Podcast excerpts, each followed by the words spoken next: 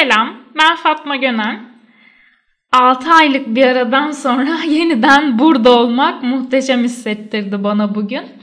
Ee, burada bugün e, yeme bağımlılığı üzerine konuşmak istedim sizlerle. Birçok danışanımdan duyduğum yemeden duramıyorum, bağımlı mıyım ben cümlesi aslında çoğu zaman. Şimdi e, özellikle işlenmiş, e, yüksek oranda karbonhidrat içeren, e, yüksek enerjili besinlerin potansiyel bağımlılık yapıcı etkilerine ilişkin gözlemler daha eskiye dayanıyor ama esasen yeme bağımlılığı kavramı ilk kez 1950'lerde ortaya atılmış. Ve bazı besinlerin e, beyni diğer besinlere göre daha fazla etkilemesi, ödül yollarının uyarılmasına yol açması, e, yeme davranışı üzerine kontrolün kaybolması şeklinde dile getirilmiş. Ve bu kontrolün kaybı ile birlikte e, bağımlılığı oluşturan besin giderek artan oranlarda tüketilmeye başlamış. Ve bununla da elintili olarak obezite ve tıkanırcasına yeme bozukluğu kavramından söz edilmiş. Ama e, yeme bağımlılığı Amerikan Psikiyatri Derneği tarafından tanımlanmış bir bağımlılık olarak geçmiyor. Sadece e, beslenme ve yeme bozukluğu bölümünde e, yeme bağımlılığı dile getiriliyor. Fakat e, madde bağımlılıkları gibi değerlendirilen bir tanımla yer almıyor. Şöyle diyebiliriz burada aslında bu konuyla ilgili. Alkol ya da esrar olmadan kişi e, belli bir davranışı yaparak rahatlama ve huzur hissediyor. Yani ödül mekanizması işin içine giriyor ve bu da davranışsal bağımlılık olarak tanımlanıyor. Aslında yemeği de biz bu gruba e, katabiliriz buradan çıkacak olursak. Yani bir alışveriş bağımlılığı gibi, ilişki, internet ya da egzersiz bağımlılığı gibi bir kategoride yer alabilir bu durum. Peki bunu en başa dönerek değerlendirecek olursak nereden bakabiliriz? Burada e, beynimize gidelim istiyorum en başta sizlerle. Şimdi beynimizde 3 tane bölüm var. Biri ilkel beyin dediğimiz beyin sapı. Diğeri limbik sistem yani duygusal beynimiz ve bir diğeri de neokorteks özellikle mantığın karar alma mekanizmasının devrede olduğu kısım. Şimdi burada limbik sistem yani duygusal beynimiz özellikle e, buradaki amigdala adı verilen bir bölgeyle ilintili olarak duygusal davranış ve tepkilerin oluşmasında görev alıyor. Ve bu amigdalada bir kaçak olduğunda o en ilkel haliyle birey savaş ya da kaç moduna giriyor. Ve burada da herhangi ani bir duygusal durum olduğunda, ani öfke, ani üzüntü, stres gibi durumlar mevcut olduğunda bir amigdalada kaçak oluyor. Ve birey bundan kaçmak için kendince bir rahatlatıcı faz sistemi oluşturmaya çalışıyor en temelde. Lakin e, kişinin içsel farkındalığı düşükse e, bu defa bu rahatlatıcı sistem aslında dürtüsel davranışlarla sonuçlanıyor. Peki bu dürtüsel davranışlar neler? Yemek yemek, çikolata, e, pasta, tatlı gibi besinlere yönelim ya da öfke durumlarında daha çok tuzlu besinlere, krakere, kuru yemişlere yönelim. E, ya da depresif durumlarda özellikle süt ve süt ürünlerine, peynire karşı bir yönelim ortaya çıkıyor. Ve tabi burada e, bir de dopamine girmek istiyorum ben aslında amigdala kaçağından sonra. E, amigdala aynı zamanda dopamin adında bir e, nörotransmitterin salınımıyla da ilgili olan beynimizin duygusal bölgesi ve e, bu dopamin reseptörleri ilginçtir ki madde bağımlılığı olan bireylerde düşük çıkmış. Ve bu bireyler dopamini arttırmak için daha fazla madde kullanımına yönelmişler. Ve aynı şekilde Obez bireylerde de yine bu dopamin düşük çıkıyor ve kişilerde bu dopamini yükseltmek için hep daha daha daha fazla besine yönelmeye başlıyorlar.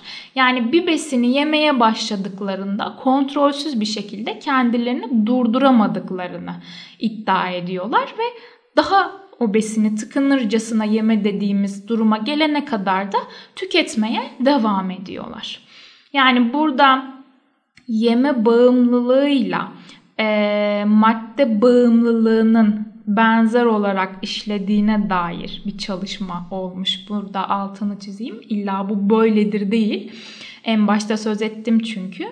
Ee, aslında amigdala kaçağında kişinin kendince başka rahatlatıcı sistemleri olsa yani içsel kaynakları yeterli olsa kişiler e, kendilerine bağımlılık yapan şeylere karşı daha az yönelim gösteriyorlar.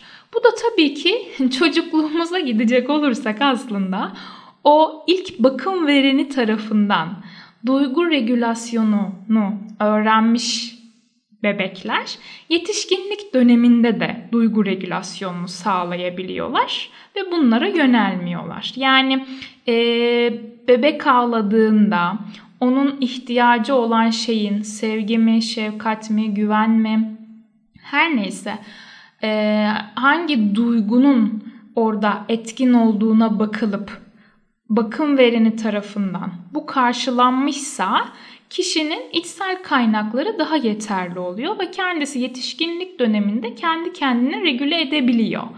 Ama o bebek ağladığında bir yemekle e, susturulmaya çalışıyorsa ya da eline bir iPad veriliyorsa vesaire örnekler çoğaltılabilir. Bu durumda da kişi yetişkinlikte kendini e, duygusal anlamda beslemek için bir takım e, bağımlılıklara yönelmiş oluyor aslında. Burada e, özellikle yemekle olan ilişkiye bakarken tabii ki duygusal anlamda biz neredeyiz e, sorusu sorulabilir diye düşünüyorum ve yeme davranışı ve e, bunu tetikleyen faktörlerin neler olduğuna dair bir farkındalık kazanılması en başta yapılması gereken çözüm ve kişi bu davranışını nelerin tetiklediğini bulursa yani hangi duygu durumunda e, bu yeme davranışına yöneliyor ve hangi besinlere karşı özellikle bunu gerçekleştiriyor buna bir bakabilir. E, burada tabii ki duygusal yeme işin içine giriyor ama bence e, benim kendi danışanlarımda gözlemlediğim bağımlılık boyutunda bir besine karşı yönelim varsa e, önce o besinin nasıl bir besin olduğuna bakıyorum ben. Sonra da e, yani şekerli bir besinse, enerjisi yüksek ve kan şekerinde dalgalanmalara yol açan besinse daha daha daha fazla tüketmesi elbette ki çok normal hale geliyor. Orada besin tercihleri mutlaka değerlendirmeli. Bir de daha çok bu durumlar aslında boşluk durumunda karşılaşılan durumlar. Yani kişinin e, kendine yemek yemek dışında bir e, hobi edinmesi mesela iyi gelen başka bir aktiviteye yönelmesi o besinden e, başka bir alışkanlığa yönelimle çözülebilir diye düşünüyorum. Ve tabii ki psiko eğitim buradaki e, en etkili yöntem. E, mutlaka bir e, ruhsal anlamda da bunun altında yatan başka psikolojik bir durum var mı? E, değerlendirilmesi gerekiyor bunun da. Velhasılı kelam e, bu değiştirilebilir bir durum. Önce bunun altını çizeyim. Yani e, durmadan yemek yiyorum Evet, dönem dönem birçok insan e, hayatıyla ilgili e, stres düzeyinin yüksek olduğu durumlarla karşılaşıp bunu yapıyor olabilir. Ama bunun ne kadar sürdüğü önemli bizim için. Ne kadar sıklıkla tekrarladığı önemli. Ve burada zaten kişi bunları yedikten sonra suçluluk ve pişmanlık duymaya başlıyor. Yani kişi aç olduğunda, yemek yediğinde, fiziksel bir açlıkta bundan pişman olmaz. Ama duygusal anlamda bir açlık yaşadıktan sonra yemek yediğinde e, pişmanlık ve suçluluk duygusu da bir yandan eşlik ediyor ve kilo aldığında da bu defa kendisine olan saygısını kaybediyor aslında ve bir kısır döngü ortaya çıkıyor. O yüzden e, dediğim gibi e, bu durum değiştirilebilir. Önce e, kişinin içsel kaynaklarına bakması ve farkındalığına e, ne durumda olduğuna yönelmesi gerekiyor diye düşünüyorum. Benim bu bölümde söyleyeceklerim bu kadar. Yeniden burada olmak beni çok mutlu etti. Umarım siz de beğenmişsinizdir. Bir sonraki bölümde görüşmek üzere. Hoşçakalın.